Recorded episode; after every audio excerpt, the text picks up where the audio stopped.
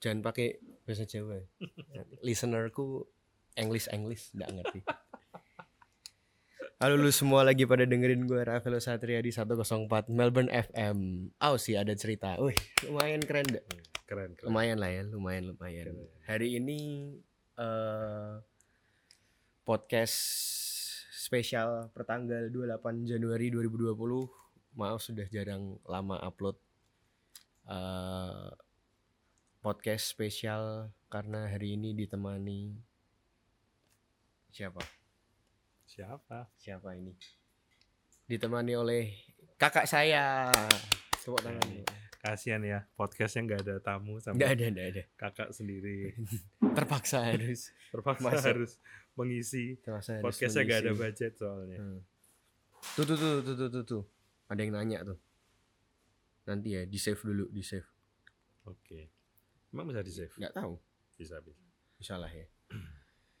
Oke, jadi hari ini senang banget gue bisa menemani kalian. Terus jong kita kita bukan kayak kakak adik loh di sini. ya. Oke. Nah, Emang host dan host dan itu oh iya memang bukan ya senang banget hari ini gue bisa nemenin kalian semua di podcast malam hari ini temanya adalah lika-liku kehidupan arsitek Oke. jadi eh siapa saya podcast dengan siapa hari ini perkenalkan Perkenalkan, hai semuanya. Terima kasih yang udah eh, dengerin podcast adik saya yang sering tidak berbobot. tidak Tapi tidak ada yang tetap, mendengarkan tetap dukung terus ya karena dia terima kasih terima sendirian, kasih karena sendirian aja di Melbourne. saya butuh Kenalin dulu, nama saya Revano Satria. Eh, kebetulan jadi kakaknya Ravelo. Eh, saya seorang arsitek, udah lumayan tua sekarang, umur 35, ngawur ya? Berkarir Terima. berkarirnya tiba-tiba udah 10 tahun, jadi lumayan tua. Em, hari ini diajak sama Ravelo buat ngobrol-ngobrol sedikit. Eh, nggak tahu dia katanya banyak pertanyaan. Jadi Ya, apa sih kerja arsitek apa? Interior design? Kerjanya dua-duanya Arsitek arsitek, dan, dan- interior jadi eh, di company-nya memang dipisah ada company khusus arsitek namanya MSSM Associates terus ada lagi satu company khusus interior namanya Reva Studio Interior Oh interior yang bikin sendiri. interior betul sama MSSM yang sama teman-teman itu. Iya, jadi yang MSSM eh, dengan eh, rekan-rekan selama dulu sekolah di London. Itu khusus arsitek tapi. Kalau interior sekarang saya nggak terlalu aktif. Yang pegang eh, my partner and my wife, Aurelia sama Stefani. Shout out buat Cia. Cia mana sih sekarang? Di Di Temanggung. Temanggung. You, Eh, thank you. opo thank you thank you. Gitu loh. Oh, Ada itu yang- bukan ini. Itu bukan apa fake account. Sebenarnya kehidupan keluarga kita dulu itu seperti apa sih? keluarga kita dulu. soalnya kan aku beda sama Oh, Koko gue jadi- ini 12 tahun. tiga- 13 kali ya? 12 12. 12 ya? Ya kita beda satu sio, jadi bedanya 12 tahun. Nonton terus ya Bang Daud. Waktu dia lahir dia udah enak hidupnya. Coba coba ceritain. Dia nggak kebagian yang nggak enak. Emang pernah ndak enak? Eh, pernah lah sebelum kamu lahir. Ini serius loh. Iya serius. Aku nanya tenan. Serius. Kamu tanya apa tadi? Kehidupan keluarga kan? Hmm. Ya kita keluarga normal-normal aja. Tanah Mas ya dulu ya. Iya. rumahnya. Cuman dulu kita tuh tinggal di satu eh, area di Semarang yang memang eh, tanahnya itu turun dan sering banget eh, banjir. Jadi dulu pas kecil itu memang eh, agak serem karena eh, rawan sekali banjir. Sampai pernah satu kali itu eh, lagi bangun tidur, bangun tidur, tiba-tiba itu kamar itu lampu udah mati semua, cuman ada satu lampu emergency gitu. Terus aku ingat banget ini ranjang, terus sekelilingnya tuh air warna hitam semua. Jadi bangun tidur, pinggirnya tuh air warna hitam semua, ada sandal, ada apa. Jadi ternyata satu rumah itu udah Kalau udah eh, apa tergenang air. sama air. udah air terus airnya airnya hitam gitu. Terus eh, waktu itu cuman ada eh, Luvina aku sama Mami. Nggak tahu papi pas di mana. Terus kita harus ngungsi. Nah ngungsinya itu kayak kita harus jalan sepanjang jalan. Mungkin ada sekitar 150 sampai 200 meter itu aku ingat airnya tuh aku masih kecil tuh segini terus eh, Seleher, terus- seleher. terus nggak ada lampu sama sekali Ini malam. malam. Terus eh, banyak apa petir-petir dan segala macam. Jadi em, memang Raffi eh, ba- apa lahirnya telat, telat 12 tahun. Waktu dia lahir kita udah pindah rumah, rumah yang kadang aku sering post juga rumah rumah family kita. Jadi rumahnya udah gede, udah udah enak gitu ya. Eh, kalau pas kita kecil lumayan sengsara sih, lumayan sengsara karena nggak ada apa-apa, eh, hidup juga susah, nggak sampai susah-susah banget tapi lumayan susah. Terus setiap tahun selalu kena banjir, barang selalu rusak, terus eh, ya nggak enak aja. Enak. Ada nggak dulu mau beli barang apa tapi nggak bisa? Dulu karena apa aja nggak bisa ya nggak pernah kepikiran beli barang, jarang sekali. Jadi keluarga memang hemat banget. Eh, papi mami aku tuh kalau misalnya selain kebutuhan pokok nggak ada lah Eh, branded apa pun tuh nggak ada kayaknya sama sekali selain kebutuhan pokok nggak ada pokoknya Berarti dulu ka- kantor papi di mana? kantor di sama di tanah mas Oh sebelah sebelahan. Enggak di kamar itu udah jadi papi aku tuh arsitek, Arsitek slash juga. kontraktor jadi dulu dia eh, kalau gambar ya di kamar gitu di kamar terus kan masih manual ya masih pakai kertas apa itu namanya Iya iya tahu tahu yang di di Oh, kamar lupa. itu kan dulu yang Iya. putih gede itu. tapi banyak kan kontraktor dia Kontraktor ngapain sih? siapa Nah in general in general. Kontraktor bang- bangun lah Jadi Gimana arsitek ya? yang ngedesain. kamu kontraktor nggak ngerti gimana Loh, Hah? yang kan bayarin buat- yang bayarin kamu ke Melbourne tuh siapa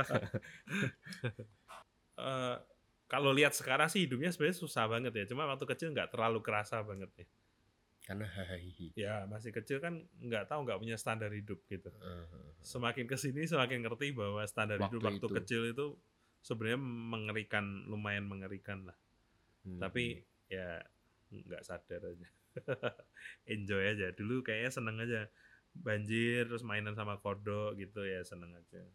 Oh Yap. kalau banjir malah terus terusan ke pokoknya. Pekunden ya, ketemu saudara-saudara. ya kalau banjir kadang ngungsi. Begitulah. Hmm, masa kecil sebenarnya nggak enak sih. Aku soalnya hobinya belajar. Em- emang apa yang paling nggak enak tapi? Ya, aku nggak punya masa itu. kecil karena hobiku kan belajar. Walah, setiap hari. Beneran serius. Kamu ini belum lahir. Setiap hari itu aku cuman belajar di tempat les-lesan belajar pokoknya ambisius banget lah soal akademis. Jadi setiap hari itu cuman belajar termasuk hari minggu. Satu-satunya hari yang nggak belajar tuh cuman sabtu. Itu aja seringnya masih belajar. Kenapa suka belajar? Eh, seneng memang seneng, Seneng kalau eh, memang seneng kalau merasa punya pengetahuan lebih sampai Iya, sekarang Iya, iya, iya. Nah itu Jadi- aku kayak gitu telat tuh. Telat. ini Aku jadi ini anak orang ini- kaya sih. ini kurang ajar ini apa orang adik aku sih. ini eh, pas lahir itu papa aku udah nggak galak udah bosen Eh, kan coba coba ceritain ceritain. Eh, itu aku mau denger tuh. Iya, Aku pap- mau denger, aku papa denger. aku udah nggak galak. Mama udah tua juga, papa mama udah tua nggak galak. Jadi dimarahin nggak pernah. Eh kehidupan ekonomi udah jauh lebih baik. Terus pokoknya dia cuma dapat enaknya semua lah. Disayang, nggak pernah dimarahin. Ini dimarahin satu kali pun kayaknya nggak pernah nih sama Enak, aku. pernah lah. Alah jarang, jarang. Coba coba Kalau mau aku dong, dulu mau cerita cerita. kalau nggak ranking cerita, cerita. gitu, wah habis guys, hajar pokoknya. Nah, apa- Janganlah kalau yang eh emang iya, emang iya bener. Iya, kamu kan dapat enaknya makannya. ya, pokoknya enak lah. Eh, kalau aku dulu keras banget lah pokoknya orang tua eh, papa terutama soal pendidikan keras banget. Nah, pokoknya nggak mau tahu harus nomor satu gitu. lah. Tapi ranking dulu pas sekolah. Ranking dong, enak aja. Ngapain belajar kalau nggak ranking? SMA-nya di mana? SM, SMP di Dom Save dulu. SMP di Domsaf, Dominico Savio eh, Semarang. Savio. SMA di Loyola. Loyola Semarang. Susah nggak masuk Loyola dulu? Eh, susah, soalnya kan di Loyola waktu itu jatahnya kalau orang yang agamanya Kristen tuh cuma 10. Emang iya. Heeh, waktu. Mosok? heeh. Aku bingung kamu kok waktu tempat kamu kok nggak se- Jadi itu. maksudnya Katolik lebih banyak gitu. Heeh, Katolik jauh. Serius dilihat Iya. dari agama gitu zaman Heeh, dulu. Kan sudah ada jatah-jatahnya. Oh. Jadi dulu yang Kristen itu jatahnya cuma 10 kalau cowok, yang cewek cuma dua kayaknya. Susah banget. Jadi dulu kalau di Loyola cewek Kristen udah pasti jenius.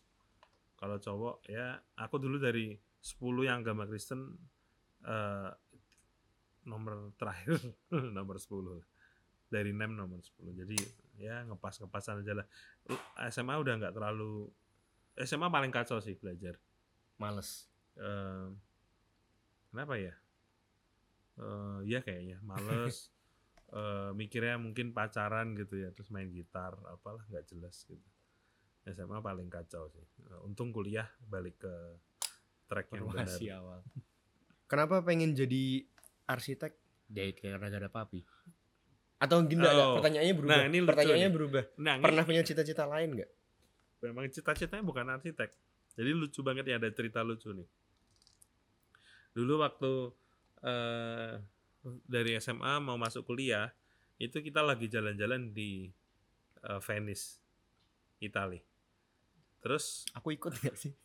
kamu ikut, Ikut kamu masih ya. kecil. 2005. Nah, terus kit- aku sama bokap tuh eh, tiba-tiba ada pembicaraan antara ayah dan anak lah gitu. Eh, ceritanya papi aku eh, ngobrol, kamu jadi anak itu nanti kalau eh, kerja itu yang penting jujur, kerja keras, berdoa gini-gini. Apa pun pilihan kerjanya pasti bisa gitu. Jadi kita ngomong tuh di atas boot gitu. Pokoknya suasananya eh enggak ada yang lain tapi pas itu ngobrolnya berdua. Wah, suasananya dramatis Ini banget lah. aku- Wah, kayak bener-bener keren gitu. Dia ngasih wejangan hidup gitu. Ini aku nggak tahu nih. Eh, bahwa apa hidup itu harus be- berjuang kerja keras jujur dan eh, apa berdoa. Terus dia tanya eh jadi kamu maunya jadi apa? gitu. Terus aku jawab aku mau jadi fotografer. Terus mas aku kan udah ngomongannya kayaknya keren. Pokoknya pilihannya apa pun Nggak boleh. pasti bisa gitu kan. Terus aku waktu jawab fotografer papiku bilang ya jangan kalau fotografer. Fotografer hobi aja gitu. Eh kampret bener gitu. Udah ngomong panjang lebar keren gitu. Ya kan udah mau klimaks nih gitu kan. Harusnya kan eh, mungkin Ya oke. ya bagus. Kamu udah menetapkan pilihan gitu. Ternyata malah pas jawab fotografer papi aku eh "Eh, ya jangan kalau fotografer nggak bisa makan nanti waktu itu gitu Nah, tapi sebenarnya kakek nenek aku fo- fotografer jadi Hmm. mungkin karena papi pas kecil hidupnya susah jadi Oh iya, eh, iya. make agak sense, agak make trauma sense. udah jangan Make sense, fotografer make sense, make sense. terus akhirnya karena nggak punya skill yang lain Ini ini, bener-bener SMA 3. ya sama tiga Oh, berarti kita sama lah ya. Sampai Ya. SMA nggak tahu. karena bener-bener nggak tahu ada pilihan yang lain eh yaudah akhirnya pilihnya arsitek. Eh, sebenarnya Kepikiran apa gitu nggak enggak sebenarnya arsitek itu memang eh, itu datang naturally in our family sih. Jadi aku lihat dari eh, ya tipe orang-orang di keluarga aku emang yang Seni. berhubungan dengan seni itu bener-bener comes naturally. Jadi Mhm. memang aku ngerasanya di arsitek itu eh, istilahnya kalau ditanya passion waktu itu biasa aja cenderung nggak suka tapi tapi bisa gitu Eh, Jadi- sama dong. apa Kayak aku dulu nek dipaksa juga kayak Apa? kan arsitek. arsitek ya kan jadi eh, otomatis bisa tapi sebenarnya nggak suka Hmm. sampai sekarang pun mungkin lebih suka fotografi ya tapi ya kebetulan aja Hmm. Rafaelo mirip Apple Ini siapa? Nur. Tahu tuh jadi akhirnya karena bingung mau ke mana waktu itu mau nah, lucu waktu itu waktu SMP SMA 3 sempat kepikiran eh, karena suka banget komputer sempat kepikiran pergi ke IT. Kanada sekolah Kanada Oh. belajar IT terus Saya tidak tahu ini. terus aku mikir kan aduh nanti kalau IT tiap hari lihat komputer nih kerjanya mending jadi arsitek gitu ternyata salah Sama aja. enggak ternyata salah Ternyata kalau aku IT aku yakin nggak lihat komputer terus malah arsitek lihat komputer malah ya, terus. teman-teman. kalau buru terus gitu Terus mikir ke mananya dua kali atau eh memang pasti unpar lah. Unpar ya. Kuliahnya dulu di mana? Unpar. Unpar, Dulu S1-nya di Bandung. di Unpar, Parahyangan Bandung. Eh, waktu kuliah waktu itu bingung sih mau mau kuliah di luar negeri apa di sini terus nggak tahu waktu itu tiba-tiba mikirnya udah deh nanti S1 di Indonesia dulu terus S2 baru dilanjutin ke luar negeri gitu. Tapi nggak unpar memang paling bagus sih ya. Jadi nggak Ya. mikir dua kali. Eh, relatif lah, bagus lah. Bagus dong. Nanti kalau ada yang nonton dari Unpar ntar aku di diomong. eh terus apa tadi? Jadi Dulu dulu waktu waktu di Unpar itu junior selalu tanya kalau ketemu, kok Kak Revano selalu ketawa-ketawa terus sih, gitu. Terus kenapa? aku- ya nggak tahu aku santai orangnya ke mana-mana kan aku dulu ngelesin adik-adik kelas santai ketemu ketawa-ketawa terus yang lain tegang stres gitu aku ketawa-ketawa terus aku sampai diberhentiin waktu itu di lorong ditanyain gitu kok bisa sih ketawa-ketawa terus ya aku bilang ya aku enjoy aja kenapa nggak enjoy kan seru bikin model bikin 3D Oh, bikin menurut karena aku emang sih suka tadi. menurut Ya? aku sih ya aku memang orangnya apa pun enjoy enjoy aja jadi ya pas di unpar enak banget sih santai Tapi kan biliar terus dulu. Saya sa- kalau itu saya tahu. Kalau itu saya tahu. jadi guys kalau ini ngomong cerita di kuliah tuh waduh banyak banget jadi aku waktu gini aku waktu kuliah di unpar itu jujur memang lumayan ambisius nih. Pengennya pokoknya lulus harus cum laude gitu harus lulusan terbaik. Em, puji Tuhan dua-duanya tercapai. Waktu lulus eh, dapat cum laude dan dapat predikat lulusan terbaik. Tapi sebenarnya waktu kuliah itu semester 1 sampai semester 4 itu eh, struggling strugglingnya itu agak aneh karena eh, entah kenapa tampang aku itu tampang orang begajulan gitu kayak Hmm. tampang anak anak nakal banget gitu Hmm. dulu tuh dosen-dosen itu eh nggak tahu ya jadi tiap kali lihat aku gitu udah kayak oh ini pasti yang kumpulan anak yang nakal nih yang nggak niat Hmm. Jadi kayak kena efek terus gitu Dimarahin Eh, maksudnya. oh iya Sam- sampai ada satu dosen yang aku ingat banget gitu dari Ini yang pertama kali kemarin diupload di Facebook bukan gitu beda kan? lagi jadi Nanti cerita dong. Ya, dari pertama kali ketemu sampai eh, tugas itu selesai sampai hampir final presentasi itu dia selalu selalu bilangnya eh, ya kalian jangan kayak Revano, pasti anak malas gitu Masa terus ya. gitu? Diulang Serius? terus ya. Di depan anak-anak. Ah, ah. Terus terus dia bilang gini, kayak kamu Revano, IPK kamu berapa kemarin semester kemarin gitu kan? Eh, ada dua, dia bilangnya sampai gitu loh. Ada Hmm. dua, bayangin IPK dua itu parah banget gitu. Terus aku bilang terakhir IPK-nya 3,4 sih pak gitu. Hah? Dia kayak shock gitu. Jadi tampang aku itu bener-bener mengacaukan di semester-semester awal itu tiap kali ketemu dosen selalu kena masalah. Tapi sebenarnya tampang aku ini memang dari SMA pun kena masalah, SMP pun sering kena masalah. Ya, memang nggak tahu ya. Jadi jadi apa sih kalau bahasa ininya dicing ya di apa sih? Dicing, dicing. Dicing, Bahasa Jawa ya. bahasa Jawa dicing. Iya, iya, Jadi ti- nah, terus karena BT, karena BT karena eh, sebel kayak gitu, kayak ah, maksudnya hal itu terjadi terus, tiba-tiba aku ngambek. Semester 5, semester 6, semester eh, hampir semester 7 setiap hari dari jam 9 pagi sampai jam 12 malam main biliar. Tapi nilai turun juga. Tapi malah nilainya waktu itu aku tuh mau capek IPK-nya satu semester 4 aja tuh susah. Hmm. 4 tuh berarti sempurna A Hmm. semua gitu. Malah waktu main biliar Ah, IPK-nya tuh 37, 39 sama 4. Kok bisa? Ini kan nanti pasti banyak yang bertanya-tanya. Malah harus Eh. dibawa santai berarti hidup. Nah, menurut aku Nah, kayak itu gitu. Jadi, tapi aku semester saran satu yang sesat itu. sebenarnya agak sesat. Semester 1 sampai semester 4 itu bener-bener wah, niatlah, niatlah kalau kuliah tuh duduk di depan dan segala macam gitu kan. Tapi malah dapetnya jelek. Ya bukan jelek banget, maksudnya masih Hmm. IPK-nya masih 33. Kamu nggak pakai IPK IPK ya ada. jadi ya. Ada. Kalau eh, IPK tuh maksimal 4. Hmm, hmm. Jadi kalau misalnya IPK tiga setengah gitu mungkin equal 9 lah. Hmm, hmm. Kalau IPK 3 itu equal 8 lah kira-kira ya. Hmm, hmm. Mungkin ya kira-kira gitu. Ya, jadi semester 1 sampai semester 4 itu IPK-nya cuman ya 32, 33, 34 gitu. Nggak pernah bisa nembus tiga setengah aja nggak bisa gitu. Terus karena ngambek, karena bete, aku nggak peduli, eh, I don't care lah. Setiap jam 9 pagi itu tempat biliar belum buka, aku udah di situ. Sampai hak, hak kenal kan sama yang jaga gitu. Terus masuk Udah masuk. disiapin. Nah, Nanti pulang jam 12 malam. Every day. Tapi ada satu mata kuliah yang aku tetap niat banget namanya studio perancangan arsitektur. Jadi ngedesain itu. Hmm. Itu aku niat banget. Tetap masih. Tapi yang kuliah lain semuanya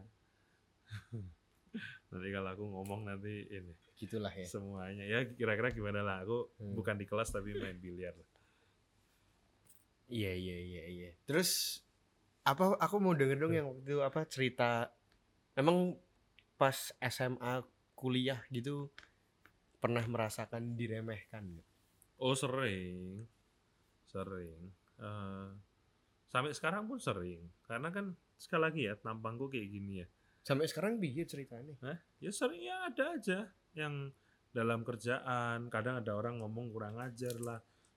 sering ba- banyak gitu. Meskipun banyak sekali yang baik nih kayak nih kayak ini kan pada baik-baik nih apa eh, apalah desainnya bagus lah apa dan apa tapi kenyataannya itu aku sering banget di apa ya direndahin di dihina di sering banget sebenarnya tapi buat aku justru itu eh, Motivate. eh, menarik ya karena kalau nggak ada itu malah nggak ada yang nge-guide Hmm. eh, jalan ya aku justru nggak tertarik kalau terlalu Smooth. terlalu smooth terlalu banyak di eh, di praise orang terlalu ini Hmm. malah ini menurut aku malah bikin jalannya nanti kacau jadi Hmm. aku kalau misalnya ada yang eh, kurang ajar menghina atau apa itu malah sama sekali nggak down malah seneng banget gitu.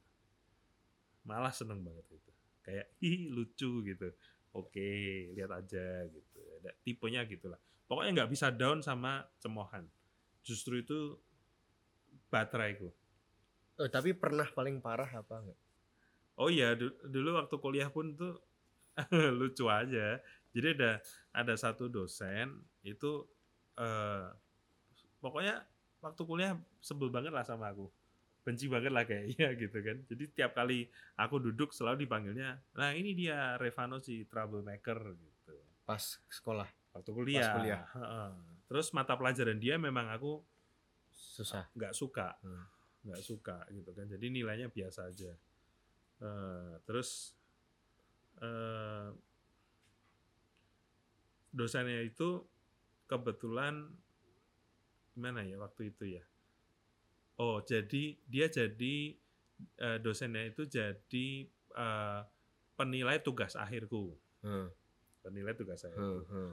jadi sebenarnya nilaiku waktu itu tuh lumayan, lumayan bagus. Ya bisa dibilang bagus banget lah, karena di atas IPK-nya kan waktu itu di atas tiga setengah. Tapi dia nggak tahu sama sekali. Hmm. Dia taunya ya udah ini Hmm. tampang tampang eh, preman ini gitu kan.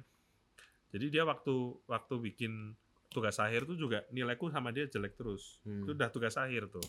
Nah dulu di Unpar itu semua tugas akhir ada awardnya Hmm. ada awardnya. Terus dia jadi MC-nya. Hmm. Nah ternyata waktu itu yang menang itu yang menang kan aku. Dia ngomongnya gini. Jadi dari eh, award kali ini ada kejutan gitu. Ini depan orang banyak. ada kejutan gitu. Benar-benar nggak disangka gitu kan. "Eh, gini gini gini gini. Pemenangnya Revano Satria gitu kan. Jadi pas aku menang pun dia juga nganggapnya ini hoki nih gitu. Ini ini anak kebetulan nih gitu. Nah itu semester 7 terus semester 8 eh, ketemu lagi sama aku kan.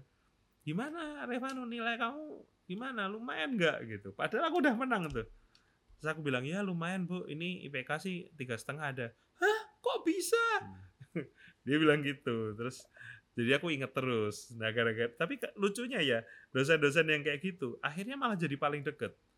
Kemarin Hmm. main rame-rame ke rumah ya kan? Dosen-dosen yang wah itu hampir semua yang pernah eh, inilah pernah ngatain lah gitu. Ada satu dosen yang pernah banting market market aku gitu terus diinjek-injek gitu. Market tuh model yang udah model jadi berarti ya? Masa Iya. diinjek? diinjek Nggak, kenapa? dia aja sampai kemarin tak ceritain sampai nggak percaya masa saya injek iya pak saya inget itu Kenapa tapi diinjek? nggak tahu pokoknya tampang aku tuh udah eh, inilah negatif ya nih tampangnya nggak kayak arsitek kan jadi selalu punya apa ya by the look itu mereka punya Hmm, asumsi hmm. itu nah ini anak nakalnya nih nah gitu kan nah, ini troublemaker ya nih gitu jadi ya nggak apa-apa kan lebih seru Nah, Tapi kalau diremehin tuh banyak banyak banget. Dikurang ajarin sering. Eh, sampai sekarang loh. Sampai sekarang. Jadi ya meskipun mungkin presentasinya eh, sekarang jauh lebih sedikit ya gitu ya. Tapi kan orang kan kalau kamu mau dipuji 100, 200, 300 orang pun ada tiga orang, dua orang yang kurang ajar aja kan kepikiran. eh, maksudnya normalnya orang pasti down lah gitu lah. Hmm, hmm, hmm. Tapi kalau aku enggak sih. Terus memang mem- memang abis S1 memang oh fix mau ambil master. Penting nggak sih arsitek master? Nah, itu kan kayaknya sering nggak sih orang nanya kayak gitu. Master. Eh, nah, Tergantung ya. gini. Waktu ini ini bagus juga pertanyaannya. Akhirnya ada ada yang rada serius dan Dari rada- tadi. rada bermutu. Ya, eh, jadi intinya kalau mau melakukan sesuatu apa pun itu, kalau buat aku eh, yang paling penting itu Tanggung jawab. bukan. Walah, Eh, walah, walah. kalau Apa aku aku nggak mau di tengah, mending nggak usah ngelakuin atau Oh. ngelakuin yang the best. Hmm. Jadi buat aku waktu aku mau ngambil S2 aku cuman uh, asking around sekolah arsitek yang nomor satu di dunia, yang paling bagus, yang paling susah, paling top apa gitu. Emang apa? Ya itu sekolah aku. Mosok. Eh, ya, Mosok bukan US. enggak, enggak. EE School tuh sekolah arsitek yang aduh berat lah. Hmm, Salah satu paling berat lah. Aku pernah belajar itu di sana. Jadi eh, itu sekolah arsitek paling tua, private school khusus arsitek, isinya orang-orang bener-bener jenius semua nggak kebayang lah. Jadi buat aku maksudnya gini, kalau mau ngambil sesuatu, kalau aku lebih pilih sekalian cari yang jalurnya mau kayak neraka pun nggak apa-apa atau mending nggak usah. Jadi contoh nih kayak aku tipenya memang seperti itu. Aku habis selesai kuliah eh, 2006 ya dari Unpar, nungguin 2 tahun kuliah kan. Aku nggak ngapa-ngapain, ya sekalian nggak ngapa-ngapain. Tapi waktu sekolah ya sekalian yang paling susah. Gitu. Jadi aku nggak pernah suka di tengah-tengah. Bentar, jadi masuk ke sana susah nggak? Maksudnya in Susah. a way apa ada Susah. tes gitu? eh ya ngirim portfolio, tes tes saya sih nilai Inggris. Ayo. Jadi jadi kalau waktu itu nggak keterima gini, ya nggak masuk ke sana itu nggak terlalu susah. Yang susah keluar ya. Oh. Nggak, tapi bener kan? Kalau waktu itu somehow nggak keterima ya nggak ngambil master. Atau Kalau kepikiran ngambil master. oh eh, kalau nggak keterima, memang pas tahun pertama itu aku nggak keterima. Terus Oh, aku apply dua- lagi, Nah, aku Oh, kali lagi tuh. baru Wah, itu aku nggak tahu nih Iya, aku- itu. Nggak keterima, untung nggak keterima. Karena Karena aku bisa memperkuat relationshipku sama istri, sama pacar. walah. Loh bener, kalau pas itu setahun terus long distance malah hilang. Kenapa? Nggak percaya ya? iya. Iya. Cihani mau ikut Kan nggak? aku nggak, aku kan baru kenal dia setahun. Kalau setahun waktu itu udah pergi, malah beda. Trustnya apa beda. Gitu. Jadi itu di London. Mungkin ya? kalau nggak keterima lagi, ya apply lagi. oh. Sama lah kayak papi. Papa aku tuh ITB dulu. Dulu di ITB dia susah banget keterimanya. Itu dia bisa masuk ITB aja hebat banget menurut aku ya zaman itu ya. Itu jatahnya cuma dua orang waktu itu. Kok bisa cuma dua? Kan ada pribumi, non pri, gini gitu. Sumpah. Iya tanya apa? Itu susah banget. Jadi dulu papa aku tuh ngambilnya kuliahnya dua sekaligus guys. Unpar, teknik sipil, ITB-nya arsitek. Lulus. Satu angkatan sama Pak Baskoro Tejo. Teman baik Baskoro mereka. Tejo? Teman papa, teman baik. Arsitek juga. Oh. Jadi dia mirip lah. Jadi udah pengennya itu ya terus itu terus. gitu. Ya aku agak nurun lah situ. Huh, huh, huh, huh, huh. Ya udah terus Itu Tadi- di London ya tapi ya tadi ya. yang mana? EE School itu di Iya, di London. London. Masih ada kan sekolahnya? Masih. Kok guyu kenapa? ya enggak lah ya masih lah. Oh. Terus berarti tadi gimana pengalaman selama di London apa aja yang menarik? Ya menarik sih ya. Nonton Arsenal Iya, terus. guys. Jadi waktu kita ke London itu papi aku lagi eh, bisa dibilang hampir bangkrut. Wush. Nah ini makanya ini anak kecil, jadi nggak ngerti apa-apa. Dia tuh taunya nggak ngerti apa-apa. Dunia dia tuh kayak eh, terbungkus permen yang indah. Kamu kan kecil, kamu nggak tahu apa-apa. Papi struggle gimana. Jadi pas eh, secara finansial itu kondisi paling kacau itu waktu berangkat ke Inggris. Serius. Iya serius. Jadi Ini ini bukan lagi paling kacau ini bukan drama. Lagi paling Nggak kacau. beneran. semu gini papi aku me- meskipun nggak sampai kaya kaya banget tapi seumur pun nggak pernah mau bangkrut itu mungkin kondisi paling parah itu pas aku lagi mau sekolah sampai aku Tapi udah daftar. udah tapi pak papi aku kan orangnya gitu nggak mungkin dia kayak pendidikan terus aku udah tahu gitu dia mungkin rela mati demi anak-anaknya punya pendidikan bagus. Jadi nggak mungkin dia aku tahu dia nggak mungkin eh, sorry papi nggak punya uang nggak mungkin. Kalau perlu jual rumah mau apa pun pasti dia lakuin. Itu papi. Jadi waktu itu kondisinya wah kacau banget. Bisa Maka- apa? Ditipu ya bukan Sama. ditipu lah kalau kontraktor itu nggak dibayar lah gitu lah istilahnya. Jadi eh, saking apa ya dramatisnya waktu aku dianterin ke London itu setiap hari itu eh, papi itu diranjang itu berdoa doa seorang ayah bro Ih, tenanan apa? ya ora? ten- ini beneran masa bohong Eh, sampai berdoa terus gitu diranji di, di, di kosku di Inggris itu berdoa Oh, waktu nganterin. Oh iya iya Ah, tahu tahu. ah, Karena aku tahu itu kayak bener-bener kayak perjuangan banget. Perjuangan banget dia nyekolahin pas kondisi kacau.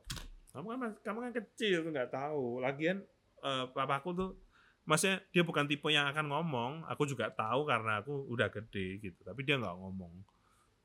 Nggak ngomong kayak oh ini papi lagi nggak punya uang ini enggak. Itu bener-bener no money untuk sekolahin. Jadi jadi ya memang waktu sekolah jadi tapi memang aku suka sekolah sih. Jadi ya nggak pernah nggak pernah main-main. Ya sekolah ya bener-bener sekolah. Nggak ada kayak oh, di Inggris terus jalan-jalan seneng-seneng nggak ada. Setiap hari ya belajar. Sabtu Minggu pun aku spend waktu ya belajar. Nggak buat kayak jalan-jalan ke mana keliling Eropa coba apa Negara gitu nggak ada. Full bener-bener fokus di Sekolah. di kuliah lah. Nah, karena aku tahu eh, apa uang yang dipakai itu eh, bukan uang kelebihan gitu. Itu bener-bener nyawa terakhir lah begitu tapi aku santai sih. Maksudnya aku tahu eh, asal aku fokus asal aku eh, kuliah bener aku balik Indonesia atau lanjutin kerja di Inggris pun eh, keadaan akan membaik gitu. Terus tadi pas eh apa udah sampai masuk sekolah London culture shock nggak? culture shock Eh Indo sendiri nggak? enggak lah ada Oh nggak ada ada. Eh, eh nanti ada yang seru nih Apa? menyangkut eh, Reinhard Sinaga. Dulu sahabat. Oh. eh serius emang pernah kenalan? Eh. Serius. Iya. Cut lah ya. Tapi coba langsung langsung follower langsung naik Naik. gara-gara Rein, Reinhard cut, Sinaga. cut, cut, cut. Tapi emang Opi sih emang pernah ketemu? Ya nantilah. Oh iya udah Eh, nanti nanti nanti. Oh iya udah boleh nggak apa-apa. Cut aja Eh, lah, cut, cut, cut. Eh, cut, oke. Oh enggak maksudnya cerita aja tapi cut.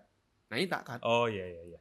Oh enggak jadi eh kemarin waktu lagi rame kasus itu aku kan lagi lihat dia di detik ini kok kayak orang kayak pernah lihat gitu. Kok, kok mirip temanku. Kan orang pernah ketemu kan ini kan. Terus lama-lama cek lagi loh kok bener dari Manchester? Gitu kan. Loh kok tahunnya sama kayak aku? Gini-gini. Terus tapi nggak yakin. Terus tanya teman-teman temen ternyata bener. Jadi ceritanya dulu waktu udah mau hampir selesai eh, kuliah eh, dia main ke London dia main ke Oh London teman ketemu temen. Heeh, jadi kita pernah satu hari full itu jalan-jalan bareng di London Dan Ah. baik orangnya. aku nggak inget namanya juga Oh ya.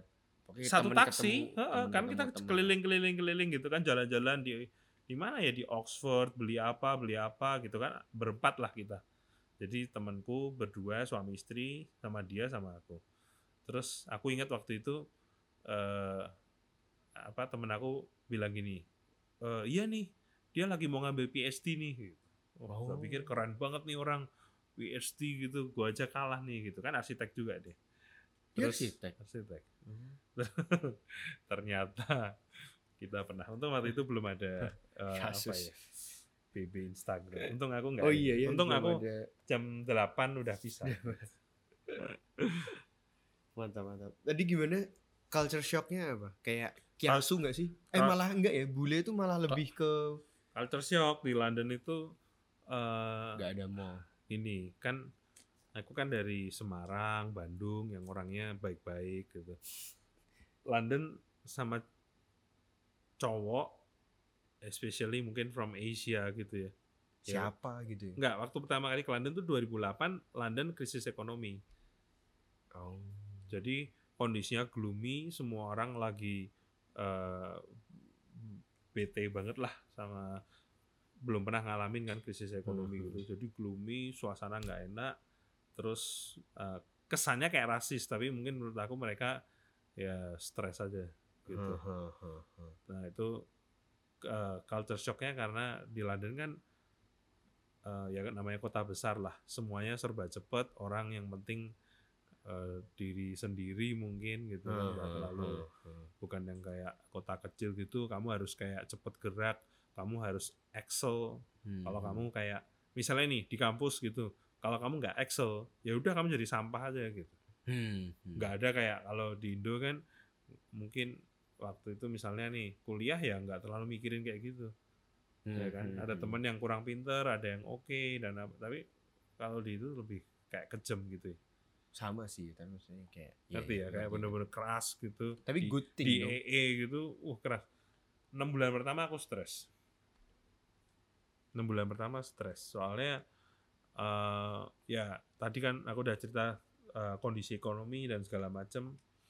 Jadi stres nih ini gimana nih? Udah maksudnya uang keluarga kita pakai buat sekolah aku aja kayak struggle gitu sekolahnya karena bayangin kayak even kalau even kalau mereka itu eh, ngomong bahasa Indonesia aja waktu kuliah di situ tuh Gak ngerti. itu susah banget gitu kayak belajar kedokteran tapi pakai bahasa Iya. Inggris. Nah ya itu dan arsitek kan debat debat debat presentasi debat gitu Iya, iya, susah banget itu Indonesia aja susah banget gitu ini Iya iya iya. dalam iya, bahasa iya, iya. Inggris Iya, iya. bahasanya kan bukan bukan halo apa kabar? gini dan segala macam bahasanya kan berat-berat semua ya sama kayak Hmm. kedokteran gitu kan. Istilah-istilah filsafat filosofi arsitektur lah history architecture lah. Ketemunya profesor-profesor yang ya gitulah killer-killer gitu stres banget. Terus eh kayaknya pas enam bulan pertama tuh aku bener-bener jongos kampus gitu kayak punya temen nggak? ya itu MSSM Associates Itu dari awal. Mm, agak awal. Eh, sampai em, jadi kesusahannya itu eh meskipun dalam bahasa Indonesia aku bagus banget waktu di kampus S1 ya untuk presentasi. Tapi begitu bahasa Inggris aku kacau banget waktu itu. Jadi setiap kali presentasi kacau banget kayak orang bego. Kayak orang kayak orang ya kayak orang bego, kayak orang parah banget lah. Dan karena nggak sinkron sama sekali yang tak mau tak sampein Hmm. itu nggak sinkron. Nah kan dosen-dosen kan pasti ngeliatnya wah ini parah nih gitu kan. Hmm. Jadi semakin memperparah kepercayaan diri. Hmm, hmm, Padahal aku orangnya percaya diri banget. Aku orangnya pede banget. hmm. Jadi itu semakin memperparah sampai enam bulan pertama. Terus eh, turning point-nya itu karena setiap kali ada tugas itu sebenarnya aku yang paling excel nih di soal kayak komputer, scripting apa. Tapi gitu. pas bagian ngomong. pas ngomongnya kan nggak bisa. Hmm. Tapi kan dosen nggak tahu nih kalau yang ngerjain aku nih. Misalnya Hmm. tugas kelompok apa kan nggak tahu. Jadi eh, sampai suatu hari itu kita ada ada tugas eh, kelompok bikin kanopi gitu. Terus kan harus bikin kayak scripting algoritma segala macam gitu. Nah pas lagi ada masalah, profesornya kan tanya, oke ini yang bikin siapa gitu. Oh Revano. Nah dia kaget gitu loh. Kok bisa dia gitu? Karena selama ini aku nggak pernah muncul kan. Kayak di belakang layar gitu. Terus dosennya langsung eh, udah tua banget gitu, duduk di sebelah aku, tanya tanya tanya tanya, tanya ini kamu bikinnya gini gini gini gini. Terus sejak itu dia tiba-tiba berubah 180 derajat kayak Terus jadi pede lagi juga gitu maksudnya. pede lagi karena dia baru Hmm. tahu ternyata selama ini ngerjain aku. Nah, gar- terbantu oleh itu jadi tiba-tiba presentasinya itu tambah bagus, tambah bagus di bahasa Inggrisnya bagus karena dosennya apa-apa kayak percaya banget. Ngerti kan? Jadi psikologi itu penting. Wah penting banget, psikologi penting banget. Jadi di London tuh waktu itu bener-bener salah satu belajarnya tuh psikologinya karena aku bener-bener dari ceritanya losernya banget lah di kelas itu. Bukan Hmm. karena aku nggak bisa loh, mending kalau aku nggak bisa, aku bisa, cuman nggak bisa ngomongnya gitu. Setiap paling ngomong bener-bener kayak orang idiot lah. Parah Dan banget. memang saingannya Europe Europe pas Europe Europe nggak sih? Europe Europe. sebenarnya orang Asia tuh dalam soal gitu lebih pintar, tapi rata-rata kalah presentasi. dan, dan Asia memang dikit kan. Ya lumayan lah, nggak dikit-dikit banget. 30 persen, 40 persen ada. Oh. 30 persen Apa ada. Cina? Macam-macam dari uh, Korea, Jepang, India banyak. Oh itu pasti jelek-jelek lah Inggrisnya. Inggrisnya lumayan orang Lumayan. India dibandingin aku, aku In- parah banget. India tahu memang bagus. Enggak, uh, Korea Jepang pasti biasa aja dong. gini gini. Mar- kalau aku waktu itu memang kayak nggak tahu kenapa tiba-tiba kacau banget gitu. Ngomong sehari-hari normal, tapi Iya, pas presentasi tahu. kacau gitu. Jadi di itu memang suasananya itu aku nggak tahu ya suasananya sekarang ya. Tapi suasananya memang sangat menegangkan. Karena apparently banyak orang yang sampai eh, kalau yang dari Amerika, teman-teman aku dari Amerika, Kolombia dan apa mereka tuh sampai ada yang jual rumah, ada Hmm? yang utang sama ya karena EE itu mahal banget. Eh, jadi eh, sekolah di EE itu salah satu paling mahal di Inggris. Oh, karena, dia private. private school. Oh, pound sterling lagi. Heeh, terus kan ini ya mahal lah. Jadi suasana itu menegangkan banget. Jadi Kiasu nggak orang-orang? kiasu enggak, tapi apa ya? Tegang ya karena mereka rata-rata waktu aku kan S2 ya. Mereka kayak bener-bener mempertaruhkan hidupnya, punya tabungan, Oh. ngerti ya. Jadi rata-rata juga udah rada tua. Teman-teman aku S2 itu rata-rata eh eh 4 5 tahun sampai 10 tahun lebih tua. Yang paling muda itu kita MSSM. Salah satu paling muda itu kita. Ah. Jadi suasana itu benar-benar tegang banget, guys. Eh, apa? Apa ya? Ya gimana sih sekolah semuanya mereka nggak ada yang kan bukan S1, Hmm, S2 gitu kan. serius semua. serius banget semua gitu. Jadi benar-benar menegangkan lah. Nah, jadi awalnya kita MSSM tuh kan suruh bentuk timnya empat. Terus Maki, Ma- Maki itu salah satu partner kita. Aku baru kenal tuh, dikenalin. Terus aku bercanda, di tengah semuanya kan orang-orang serius semua aku bercanda eh eh nanti kita waktu eh, bikin tugas jangan lupa ya kita eh, main Pro Evolution Soccer dulu gitu Eh, WE Winning Eleven Ah, gitu ah. kan bercandaan kayak gitu aja itu nggak normal di EE gitu Terus dia jawab apa? terus dia hah siapa yang mau bikin tugas kita kumpul buat main Winning Eleven gitu Nah, aku langsung klik tahu ini ini oh, tim oh iya iya nangkep nangkep Iya. nangkep nangkep. nangkep. ini satu frekuensi nih gitu ya. Ha, ha. Jadi relaxnya, bercandanya Jadi- apa? tipe kayak gitu maksudnya hitungannya jarang berarti. Enggak ada. Emang Nggak paling ada. nerd ngapain? bukan nerd, Nggak tapi ada. enggak bukan nerd, tapi mereka semua kan ini bayangin misalnya ada temen aku dia jual rumahnya untuk sekolah. ini true story. Ha, jual rumahnya untuk sekolah. Ada yang utang sama pemerintah 30 tahun. Hah serius? Iya. Orang iya. mana? Aku kan bayangin ini kan oh yang sekolah kaya-kaya gitu kan. Enggak, mereka ya bener-bener dari uang tabungan kerja lah. Ada yang kerja di Hong Kong udah tujuh tahun uangnya ditabung buat sekolah situ. Jadi Hmm. su- suasananya tuh tegang gitu. Sama yang gitu-gitu masih kontakan ya? Enggak sih. Loh, semua masih kontak. Cuman maksudnya eh, apa baik semua Hmm. baik jangan bayangin oh oh, ini orangnya nggak baik. Enggak gitu. Cuman suasananya tuh serius gitu. Hmm, hmm, kayak mau perang hmm. gitu loh. Jadi Hmm, masuk hmm. masuk ke sana tuh tapi suasana perang. nangkep, nangkep, ya kan? Terus tiba-tiba ketemu satu tim yang gila banget.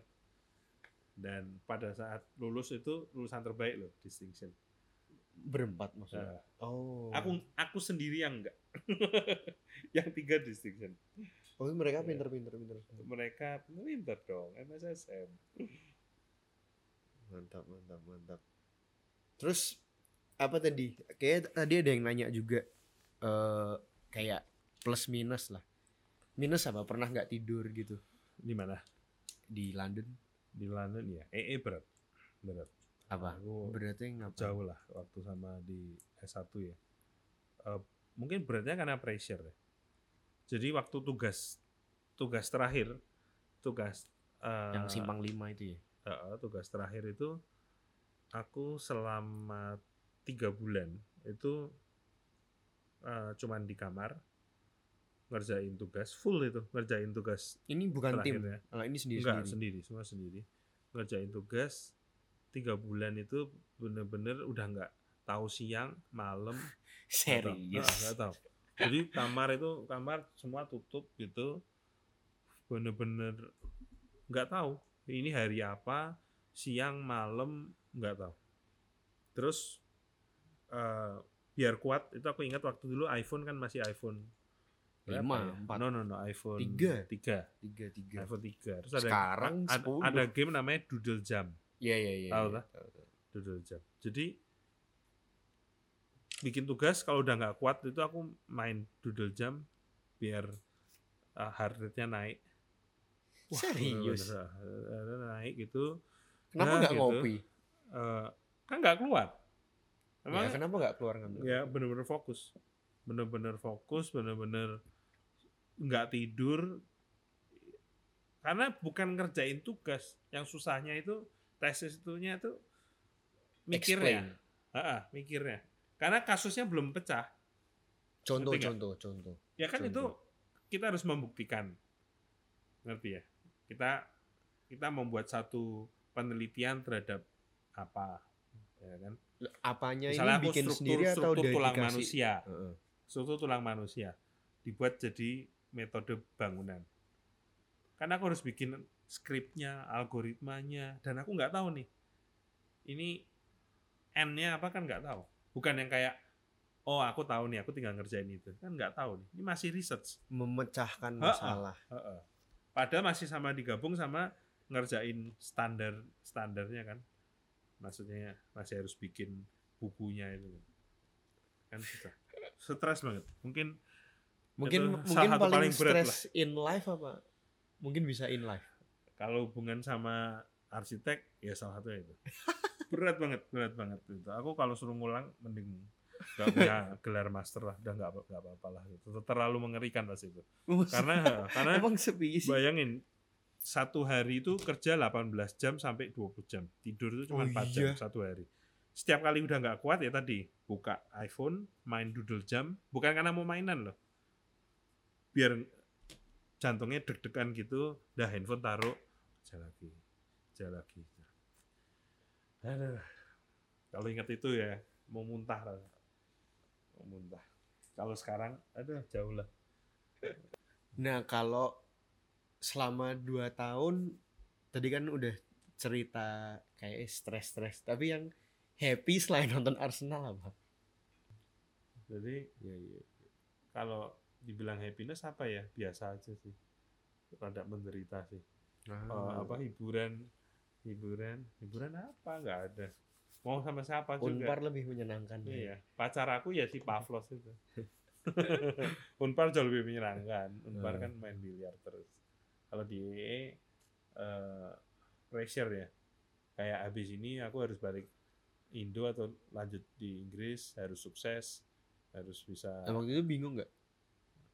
eh enggak karena kan milih cinta Oh, kalau pulang fix tapi waktu itu. iya aku waktu itu sebenarnya diminta gabung di Foster Norman Foster Itu apa kayak company perusahaan? yang paling bagus sedunia paling bagus deh. terus aku mikir percuma lah aku punya karir tapi sendirian gitu Oh, tapi diambil, nggak diambil. nggak diambil ya. Oh. aku lebih baik eh, karirnya nggak usah sampai yang gila-gilaan tapi bahagia bersama. Mantap. Nanti ini trailer terus tag Cik Fani. Mantap, mantap. Jadi karena ini lagi ngomongin karir kan, lika-liku arsitek karir. Waktu itu apa karena saking deketnya sama yang temen-temen itu, yuk bikin bareng atau oh iya misalnya waktu kita kuliah udah punya di kepikiran? tengah-tengah kuliah kita udah ngomong udah oke kepikiran. uh, uh, habis kita graduate uh, let's make uh, a company together. Jadi Dan semua oke? Oke ya kita kan satu kelompok. Satu sampai kelompok sekarang. terus. Heeh. jadi waktu di tengah-tengah nilai kita selalu paling bagus. Jadi itu Hmm. menambah keyakinan kita bahwa kita nih bisa. Ya kan? Jadi eh, karena kita lihat yang lain yang lain loh. Dia yang lain-lain serius-serius banget tapi kok kalah sama kita? Waktu itu gitu. Jadi kita Hmm. pede yuk habis ini kita selesai kita bikin company bareng. Meskipun kenyataannya nggak selancar itu. Apa karena maksudnya? waktu lulus aku yang paling beruntung lah. Karena yang lain itu eh, Eropa lagi kena krisis kan. Ini negara mana aja? Indo? Jadi MSSM itu pertama kali kita bentuk itu eh, ada empat Hmm. eh, kantornya di Indonesia satu eh, Cyprus Cyprus itu Yunani deket Yunani Dekat situ Yunani. buat yang tidak Eh, tahu Beirut Beirut itu di Lebanon bayangin negara perang sama Kuwait tapi sekarang yang di Kuwait itu kita bakal buka di Sydney oh Kuwait yang Michelle itu enggak Eh, yang Maki. Karena yang di Kuwait itu dia lanjutin jadi PhD di EE lagi. Jadi dia gelarnya PhD sekarang. Nah, terus Hmm. pindah ke Sydney. Gitu. Terus bingung nggak struggle nggak empat negara gitu Eh Tel- waktu ya mungkin teleponan gitu ya yang paling bingung ya gini. Menurut aku nah ini mungkin bagus ya di any partnership lah. Eh any partnership itu banyak yang mikirnya gini, partnership, relationship, bisnis apa pun lah. Itu banyak orang yang mikirnya gini nih. Misalnya nih aku misalnya kamu temanku join gitu kan. Itu mikirnya gini loh. Apa yang bisa aku dapat dari dia? Nah, orang itu kebanyakan mikirnya gitu. harusnya Nangkep ya? hmm, logikanya semua gitu. Hmm. Oh, si dia bisa ini, si dia bisa itu, si dia punya ini, si dia punya itu. Jadi mikirnya itu apa yang gue bisa dapat dengan partneran dengan dia atau uh, bisnis dengan dia atau punya relation dengan dia. Kalau aku mikirnya nggak gitu. Jadi dari awal itu apa yang aku bisa berikan untuk mereka. Hmm, hmm, Jadi mindsetnya itu beda. hmm. Dari situ aku nggak pernah ki- kalau kalau meeting itu kalau conference call itu kita minimum mulai ini kayak jam 12 malam. Bayangin jam 12 malam tuh berarti aku dari pagi udah keliling project, kantor segala macem, pulang rumah masih ngurusin anak-anak lah, ngapain dan apa. Selesai semua beres baru jam 12 malam baru aku bisa conference call sama mereka karena waktunya itu uh, aku melenceng sendiri kan mereka Eropa, di ya. European Union aku di sini. Tapi mikirnya nggak dari awal apa yang aku bisa sumbangkan gitu. Bukan apa yang aku bisa dapatkan. Hmm, hmm. Nah, menurut aku eh, mindsetnya itu harus seperti itu. Apa pun loh ya, apa pun. Hmm, hmm. Maksudnya nggak cuman bikin kantor arsitek, nggak cuman bikin bisnis, nggak mungkin nggak cuman di relation, tapi eh, ya sama lah sama pacar, sama istri, sama Hmm. keluarga itu Hmm, mindsetnya apa yang bisa aku kasih untuk mereka. Jadi hmm. eh, aku pun di MSSM sama gitu. Mikirnya nggak pernah tentang diriku. Mikirnya partner-partnerku nih apa yang aku bisa bantu untuk mereka. Hmm. Jadi mereka juga ya akhirnya mungkin ketularan kan, Hmm, ngerti gitu loh. hmm, Oh, hmm. ini yang mau dibawa itu seperti itu. Hmm, hmm. Nah, dan itu penting karena Mantap, kalau udah mikirnya nggak seperti itu, Kacau. ya bayangin partner aku tuh dua orang Arab gitu. Kalau ngomong aja udah kayak dari Counter Strike gitu. Jadi ya gimana coba? Egonya gede-gede semua dan apa jadi memang bener-bener apa ya? Kalau aku kayak ya misalnya eh, lagi berdebatan dan apa ya aku selalu yang menengahi eh, berusaha ya ngasih kontribusi yang positif lah gitu. Yang sini lagi bete, ini lagi gini, lagi apa ya pokoknya aku yang eh, terus misalnya kan eh, kadang mereka cepet-cepetan nih butuhin render, butuhin desain ini dan apa ya aku pokoknya selalu sediakan waktu buat mereka. Nggak pernah sorry gua sibuk gitu eh, atau gimana nggak pernah. Jadi sesibuk apa pun partner aku butuh aku, aku butuh nih eh, nanti sore aku ada presentasi, besok aku ada presentasi, sesibuk apa pun aku selalu tak kasihin waktu buat partner-partnerku, aku bantu. Jadi mindsetnya gitu. Akhirnya ya yang lain ngikutin gitu. Hmm.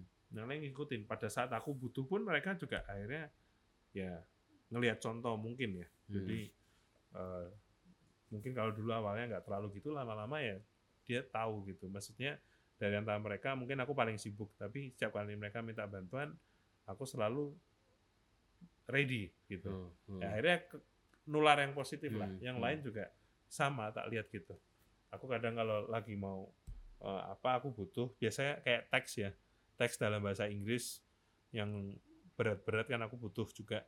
Kalau Maki kan PhD kan dia paling jago lah untuk gitu. Jadi dia dalam kondisi misalnya terakhir kita waktu eh, menang award untuk satu desain kita kan kita harus submit itu kan banyak banget itu si Maki lagi submit juga untuk tesis PhD-nya.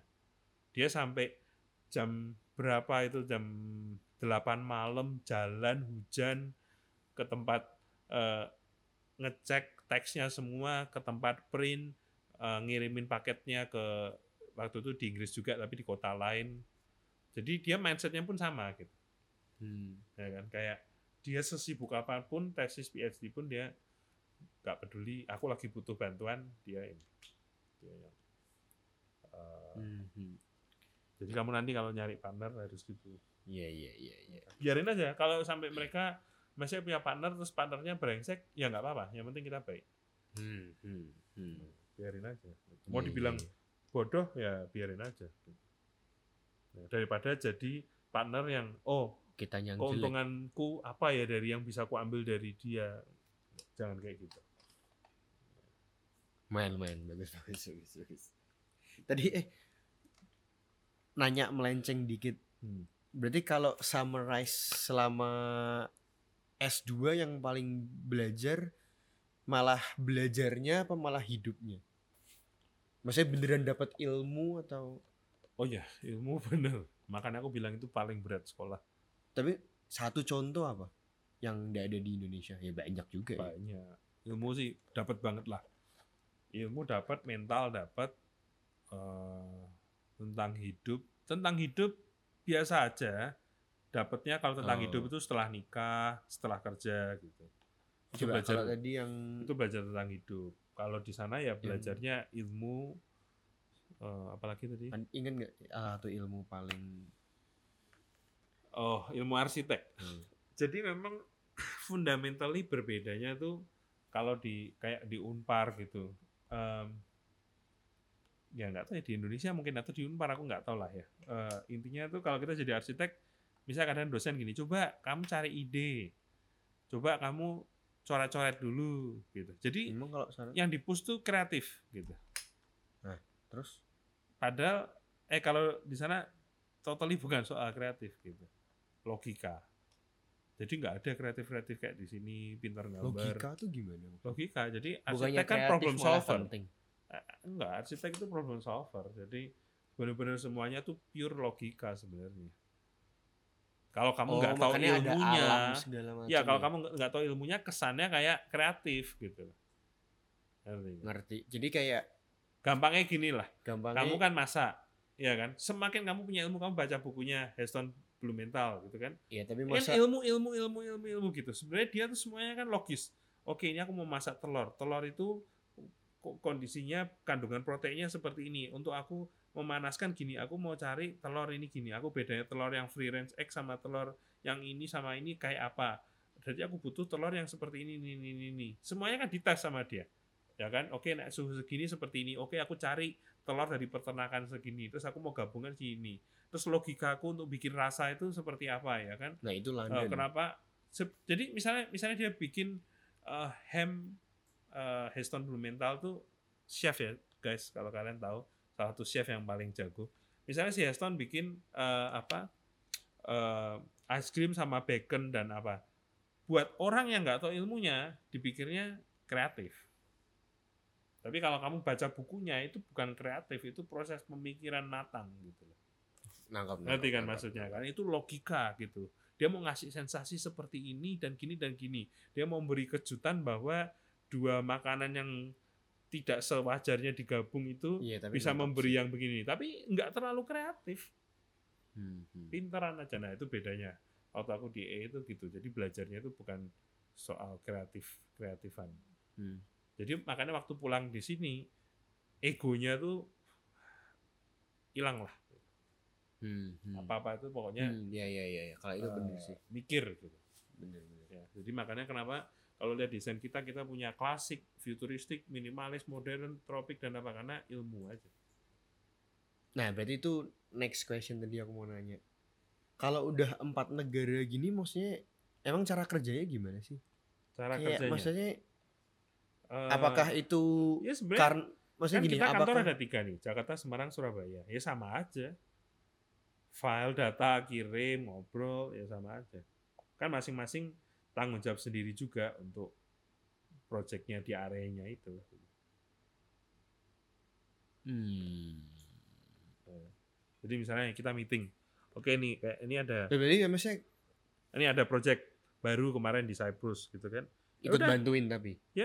ya semua bareng gitu. Eh, oke ini gini gini, oke ini problemnya gini gini, oke si ini usul apa, ini usul apa, ini usul apa, aku bantuin gini, dia bantuin gini, bantuin gini, sama Kan- aja. Karena nggak pernah ke Cyprus.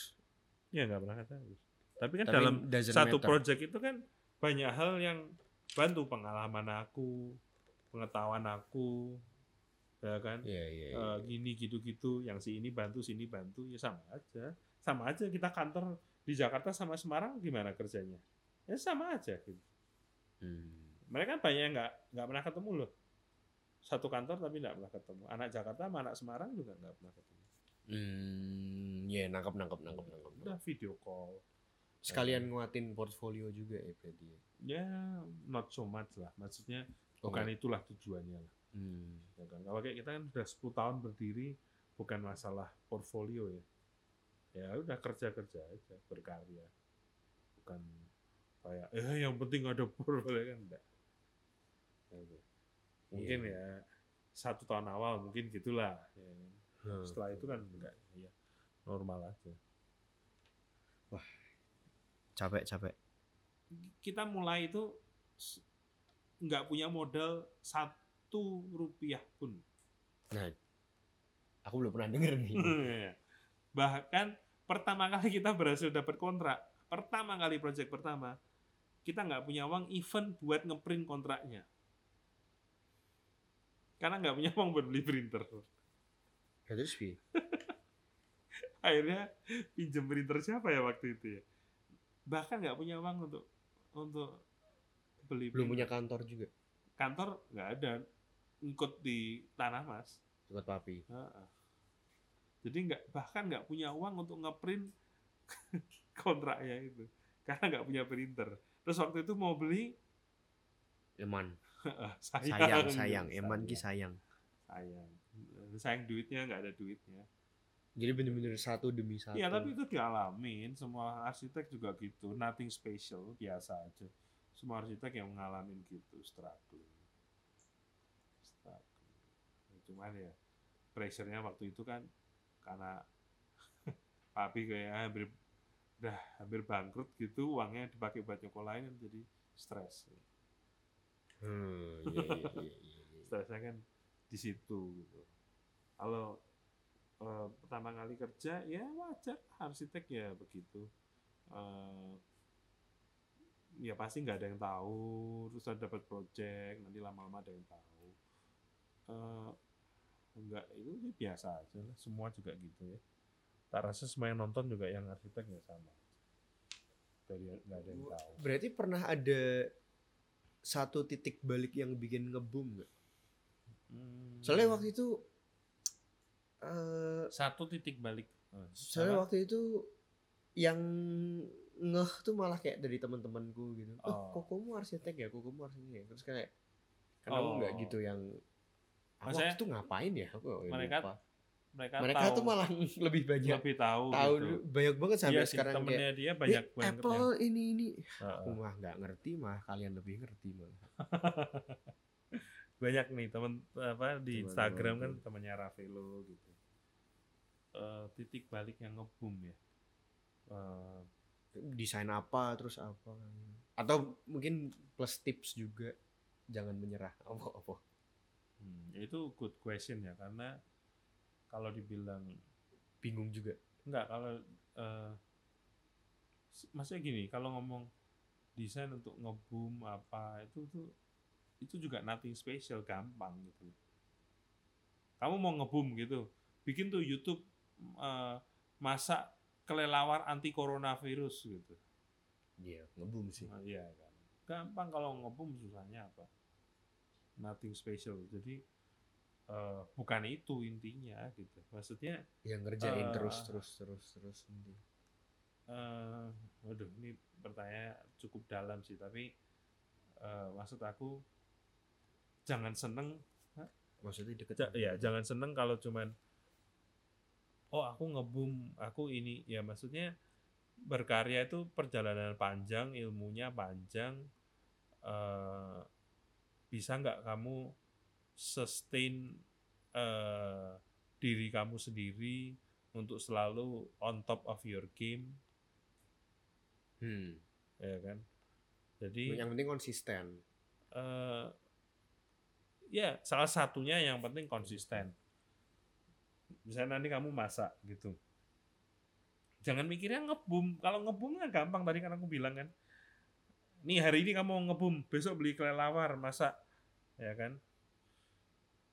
Resep bad soup anti tertular coronavirus gitu. Pasti trending gitu. Gampang kalau cuma trending gitu. Tapi kan bukan itu gitu.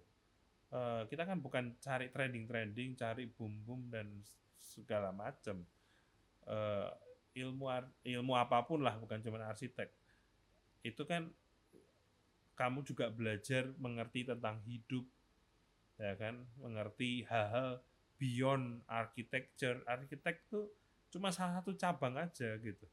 Orang kamu ber kamu berkarya jadi arsitek terus kamu nggak bisa kamu nggak ngerti arti hidup sebenarnya juga percuma gitu.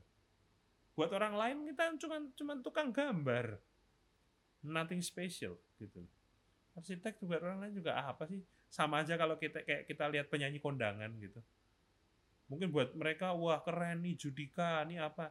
Buat yang nggak ngerti juga ini penyanyi kondangan gitu. Jadi makanya buat aku yang penting itu selama eh, berkarya itu mengerti arti kehidupan.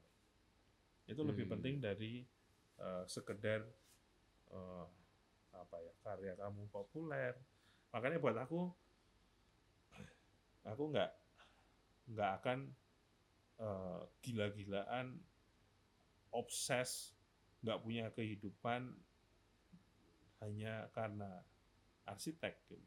atau berantem karena arsitek atau ngatain arsitek lain atau mencela karya orang lain atau nyinyir lah kadang ada yang gitu ada apa atau yang loh orang hidup kita tuh banyak banget elemen kok? Hmm, hmm, ini misalnya kamu nih obses masak gitu terus jadi sombong ya kan? Terus kamu eh, datang ke restoran ini terus kamu bikin review yang menjelek-jelekan restoran ini dan ini kan? Sebenarnya berarti kamu nggak belajar kehidupan. Hmm, kamu kira bahwa masak itu segalanya. Buat hmm. orang lain Nangkep, nangkep, apa sih? nangkep. kamu cuman koki gitu. Nangkep, nangkep, Ya, nangkep. buat kamu mungkin koki segalanya gitu. Nangkep. tapi buat majority masyarakat di dunia kamu cuma tukang masak. Iya iya. Ya kan? jadi harus balance di antara itu. lumayan bagus. Ngerti ya? Harus balance jadi kamu tahu iya, iya, iya. eh, kap bagaimana menempatkan dirimu gitu Hmm. karena kalau enggak kamu mungkin bisa jadi terlalu obses terus eh, suka mencela Hmm, hmm, ya kan hmm, terus berantem karena soal masakan hmm, ya hmm. kan? terus mungkin kamu bikin restoran terus di review jelek terus berantem marah Wah. atau kamu eh, punya relation tapi nggak pernah diurusin karena ngurusin masak ya berarti nggak belajar kehidupan gitu loh Iya iya iya. iya, iya, iya. Bagus bagus bagus bagus. Kalau urusan arsitek tadi punya kiblat nggak? sih? Hmm, banyak yang kadang ada yang kadang ini kadang nih ya misalnya kita eh, desain terus orang gini wah eh, Mirip. Revano eh, Saha Hadid Indonesia itu sering tuh di Instagram gitu ta. Sebenarnya salah karena eh, kalau ditanya ki- kiblat, aku ngelihatnya cuman knowledge gitu. Hmm. Misalnya kamu masak, kamu pasti kan punya eh, apa ya ketertarikan sama satu bidang. Misalnya kamu suka eh, masakan Indonesia, misalnya gitu.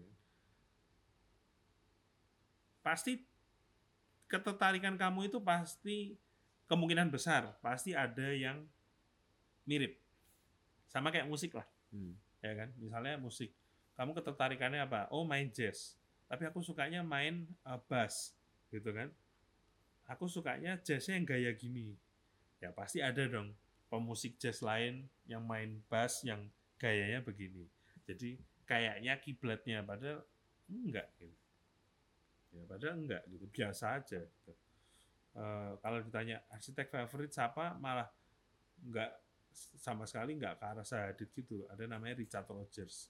Itu arsitek favoritku. Orang US. Ah, ah, bukan, orang London juga. Oh. Jadi kiblatnya apa ya? kiblatnya Diri Apple aja. sendiri. lah. Diri sendiri. Eh, biasa aja sih kalau kiblat. Eh, kebetulan aku dari kecil memang suka sesuatu yang futuristik, Hmm.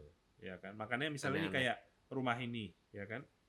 Itu kan semuanya bisa dikontrol eh, dari handphone, automation dari handphone. Aku memang suka hal-hal kayak gitu dari kecil. Nih ya guys, contoh nih misalnya eh, aku mau matiin. Sebenarnya pakai pakai suara juga bisa sih. Kan.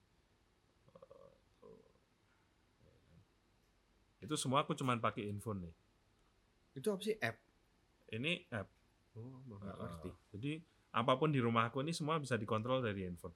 Eh, mau dari apalah konversi udara, eh, ya semuanya lah pokoknya hubungan sama listrik aku bisa kontrol. Memang aku suka langgamnya suka sesuatu yang futuristik gitu. Hmm. Nah kebetulan salah satu arsitek yang futuristik Sadid, Hmm. Eh, ada lagi MAD arsitek itu juga. Oh ya, jadinya Hmm. Hmm. kalau aku lebih lihatnya ya eh, arsitek ilmu aja lah. Hmm. Nggak sempet mikirin lah, bahkan aku nggak pernah merasa kayak oh aku ini arsitek yang gaya gini nggak ada gitu aku multi gaya Hmm. Hmm. ya kan? arsitek aku kita banyak banget project French classic, British classic, American classic yang orang Hmm, nggak akan hmm. tahu kalau itu yang bikin kita. Hmm, hmm. Dan kita nggak pernah post juga, jarang banget kita post. Paling yang orang orang pernah lihat rumah Raffi Ahmad, nah gitu. Emang rumah Ya. Indonesia bentuknya Klasik? British classic. Itu dia yang minta. Oh, eh, maksudnya project-project klasik yang lain aku nggak pernah tunjukin Oh, juga, iya, iya, gitu. nggak pernah tunjukin juga. Jadi aku nggak ada langgamnya juga. Desain paling suka apa?